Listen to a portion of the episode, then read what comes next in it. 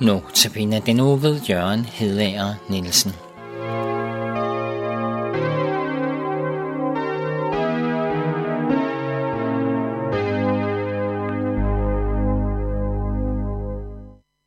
I denne uge har vi, sammen med Luther, fulgt Paulus gennem Galaterbrevet.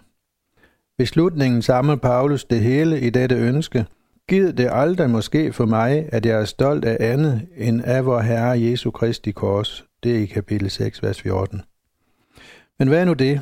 Må vi ikke være stolte af noget af alt det, vi har udrettet?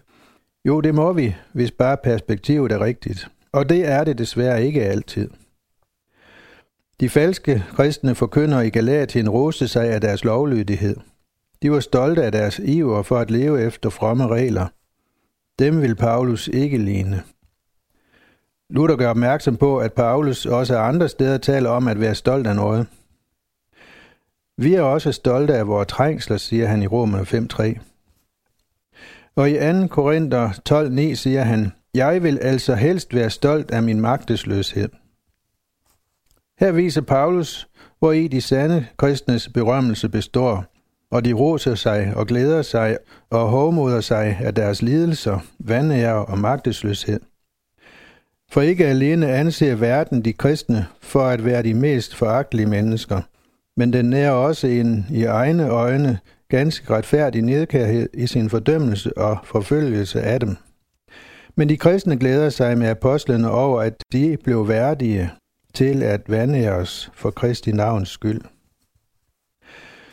Luther understreger for de evangeliske svedkommende, vi er visse på at have en ren og gudgiven lærer, og vores kors eller lidelse er Kristi lidelse.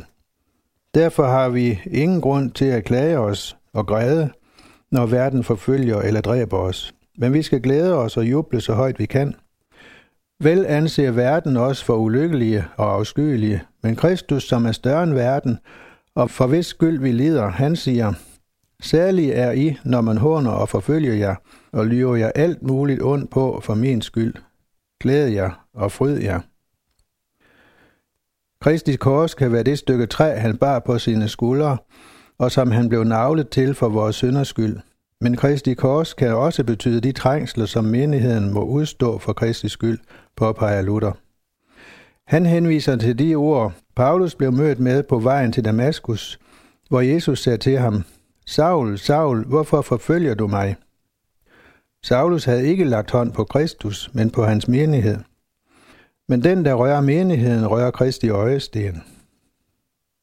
Når man støder en tog, eller en anden ganske lille del af lægemet, der er blevet beskadiget, så forråder hovedet straks ved sit minespil, at det har mærket det.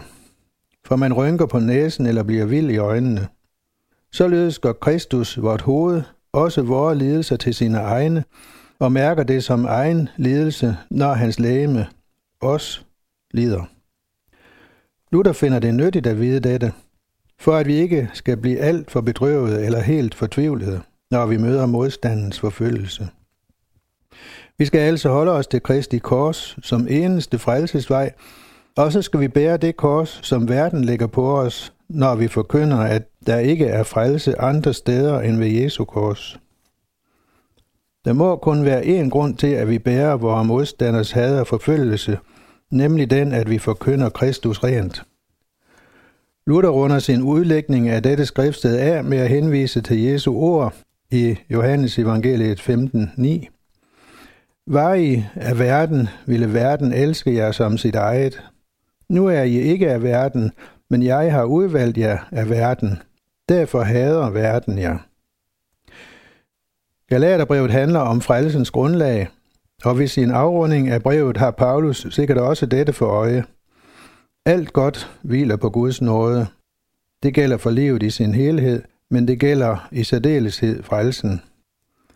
Vi må gerne glæde os over de evner og muligheder, vi har for at være noget for andre, stort og småt. Men vi må aldrig glemme at bede som Paulus. Giv det aldrig måske for mig, at jeg er stolt af andet, end vor Herres Jesu Kristi kors. Vi er kommet til ende med denne uges undersøgelse af, hvad Luther skrev om citater fra Galaterbrevet. Lad os slutte med de ord, som Paulus runder brevet af med. Vor Herre Jesu Kristi nåde være med jeres ånd. Amen.